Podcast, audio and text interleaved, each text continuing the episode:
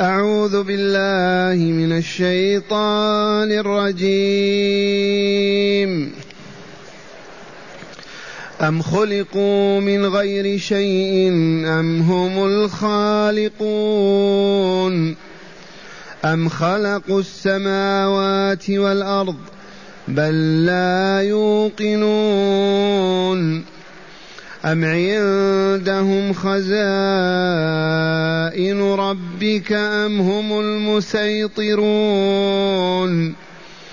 أم لهم سلم يستمعون فيه فليأت مستمعهم بسلطان مبين أم له البنات ولكم البنون أم تسألهم أجرا فهم من مغرم مثقلون.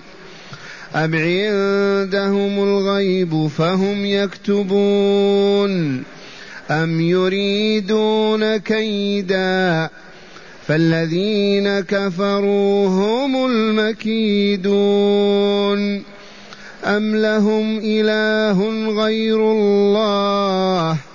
سبحان الله عما يشركون.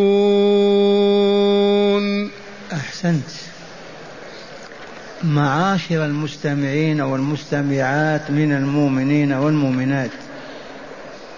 لما ذكر تعالى في أول السورة تقرير النبوة والألوهية الحق والدار الآخرة. لما قرر هذه القواعد الثلاث وهي أنه لا إله إلا الله وأن محمدا رسول الله وأن الدار الآخرة حق. بالحجج والبراهين. أمر أمر نبيه صلى الله عليه وسلم أن يذكر حينئذ. فذكر فما أنت بملوم. فما أنت بساحر ولا كاهن ولا مجنون. ثم لما أمره أن يذكر بعدما أعده لذلك بالحلم والعلم والنبوة والرسالة أخذ تعالى يعرض عنه أبطال وأباطيل المشركين ويبين لهم كيف يبطلها بالحجج والبراهين. فقال تعالى من ذلك أم خلقوا من غير شيء أم هم الخالقون؟ اسألهم. خلقوا من لا شيء. أم هم الخالقون لأنفسهم؟ والله لا ذا ولا ذاك. مستحيل الأول والثاني. خلقوا من غير خالق. يعقل هذا الكلام؟ يقبل. أم خلقوا أنفسهم قبل أن يوجدوا خلقوا أنفسهم؟ وهل يوجد موجود قبل أن يخلق؟ فصف على وجوه المبطلين. أم خلقوا من غير شيء أم هم الخالقون؟ والجواب لا والله. بل هم مخلوقون خلقهم الله والله خالقهم. أم خلقوا السماوات والأرض؟ اسألهم. خلقوا السماوات والأرض. والله ولا كوكب في السماء خلقوه. والله ولا حيوانا إنسان أو جان أو نبات خلقه الخالق هو الله عز وجل. أم خلقوا السماوات والأرض؟ لا والله ما خلقوها بل لا يوقنون. كانوا إذا سئلوا من خلق السماء؟ يقولون الله. من خلقكم؟ يقولون الله. لكن بالإيمان الكاذب بدون يقين. لو كانوا موقنين أصحاب يقين لما قالوا الله الذي ما خلق الله السماوات والأرض. ولئن سألتهم أم خلقوا أم خلقوا السماوات والأرض بل لا يوقنون. لماذا قال لا يوقنون؟ لأنهم إن سئلوا من خلق السماوات والأرض ليقولون الله. ولئن سألتهم من خلق ليقولون الله. هذا القول مجرد باللسان بالقلب ما فيه يقين أبدا. لو كانوا موقنين بأن الله خالق السماوات والأرض والله ما عصوه ولا عبدوا الأصنام والأحجار معه ولا حاربوا نبيه ولا خرجوا عن طاعته ولكن مجرد كلام تقليدي. فلهذا قال تعالى بل لا يوقنون. والله ما كانوا موقنين. ولئن سألتهم من خلقهم ليقولن الله. ولئن سألتهم من خلق السماوات والأرض ليقولن الله. هذا القول يقيني أو مجرد قول؟ مجرد قول فقط. لو أيقنوا أن الله خالق الكون كله وخالق فيه والله ما عبدوا غيره ولا أله الأصنام والأحجار ثم قال تعالى أم عندهم خزائن ربك أم هم المسيطرون؟ والله لا هذا ولا ذاك. أم عندهم خزائن رحمة ربك؟ الأمطار الأرزاق النبوة الرسالة الرفعة الوضع كذا. هذه خزائن التي يملكها الله. هم يملكونها؟ عندهم خزائن السماوات عندهم خزائن ربك. أم هم المسيطرون المستحكمون المقضيون الحاكمون في كل شيء؟ المسيطرون على كل شيء. والله لا هذا ولا ذاك. أم لهم سلم سلم جمع والجمع سلاليم مرقى يرتقون بها إلى السماء ويسمعون قول الله وقول الملائكة. ممكن يكذبون والله ما لهم. أم لهم سلم يستمعون فيه؟ إذا إذا قالوا هذا فليأتي مستمع بسلطان مبين. بحجة واضحة ظاهرة أنه كان في السماء وسمع الملائكة تقول كذا وكذا أو خلق الله كذا وكذا. ما في. هكذا يبين لرسول أباطيلهم وكيف تدحض. أم لهم سلم يستمعون فيه؟ سلم مرقى يرتقون به للسماء ويسمعونه. فليأتي مستمعهم الذي يدعي أنه يعرج الملائكة ويسمع كما يدعي الرسول أنه عرج إلى السماء وسمع الملائكة وسمع الله. فليأتي مستمعون بسلطان مبين. والله ما استمعوا ولا رقوا للسماء ولا قدرة لهم على ذلك. مجرد أباطيل وأكاذيب. أم له البنات ولكم البنون؟ يقولون لله البنات الملائكة بناته ونحن لنا الذكور. ما نرضى أن تكون لنا بنت أبدا بل كانوا يقتلون البنات. وإذا الموءودة سئلت بأي ذنب قتلت. ما يخجلون ما يستحون. ينسبون لله العظيم الجليل البنات ويستحون أن ينسبون ينسبون البنات إلى رجالهم. أي مسخ أكبر من هذا المسخ والله له بوط إلى أبعد حد. أم له البنات ولكم البنون؟ أم تسألهم أجرا فهم غير فهم من مغرم مثقلون؟ أنت رسولنا تسألهم عن الإبلاغ والدعوة نقود من سمع منا كلمة يدفع ريال أو عشرة من بلغته دعوتنا فليعطي كذا وكذا. أنت الآن تسألهم هذه الأموال حتى يقولون ما نستطيع. هذه الدعوة ما نقبلها ما دمنا نتحمل فيها ديون ومبالغ من المال. والله لا ذا ولا ذا أم تسألهم أجرا فهم من مغرم أي من هذه الغرامة مثقلون ما يطيقون أن يتبعوك ولا يمشوا وراك ولا يصدقوك لأنك تطالبهم بالمال وما عندهم مال. وعندهم عز عليهم مالهم. والله ما يسألهم ولا ريال واحد. والله ما طلب من أحدهم درهما. فقط يذكر تعالى أباطيلهم ويبطلها لرسوله صلى الله عليه وسلم. أم تسألهم أجرا فهم من مغرم مثقلون؟ أم عندهم الغيب فهم يكتبون؟ عندهم كتاب المقادير وهم يقننون ويقررون ويكتبون؟ من أين لهم هذا؟ أم عندهم الغيب فهم يكتبون؟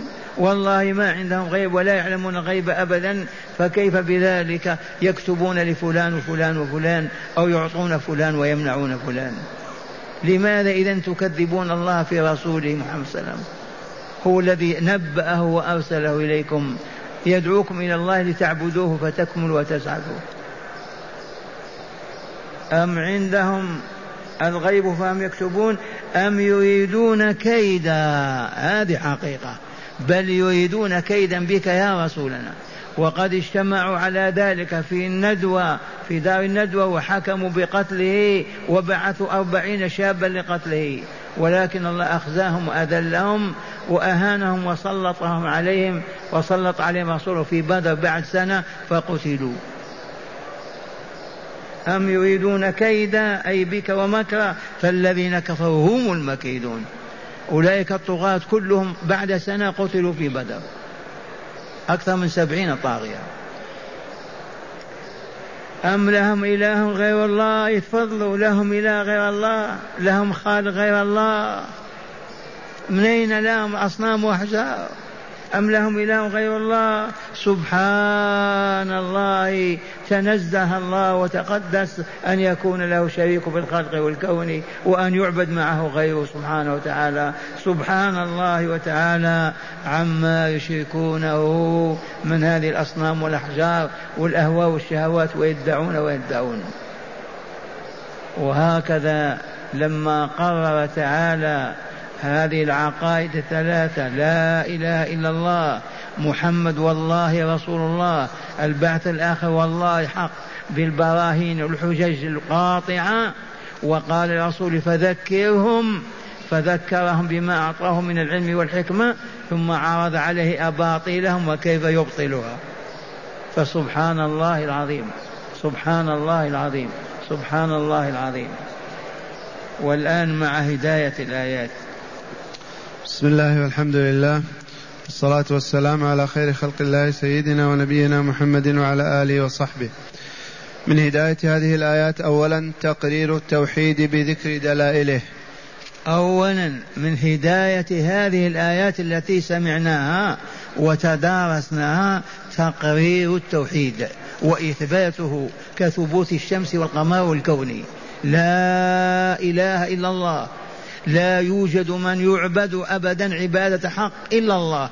لما هو خالق كل شيء وبيده ملكوت كل شيء وإليه مصير كل شيء كيف يعبد ما حجر أو صنم أو إنسان ذكر أو أنثى؟ مستحيل.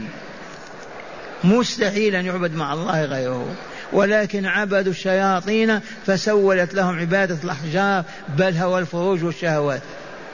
نعم.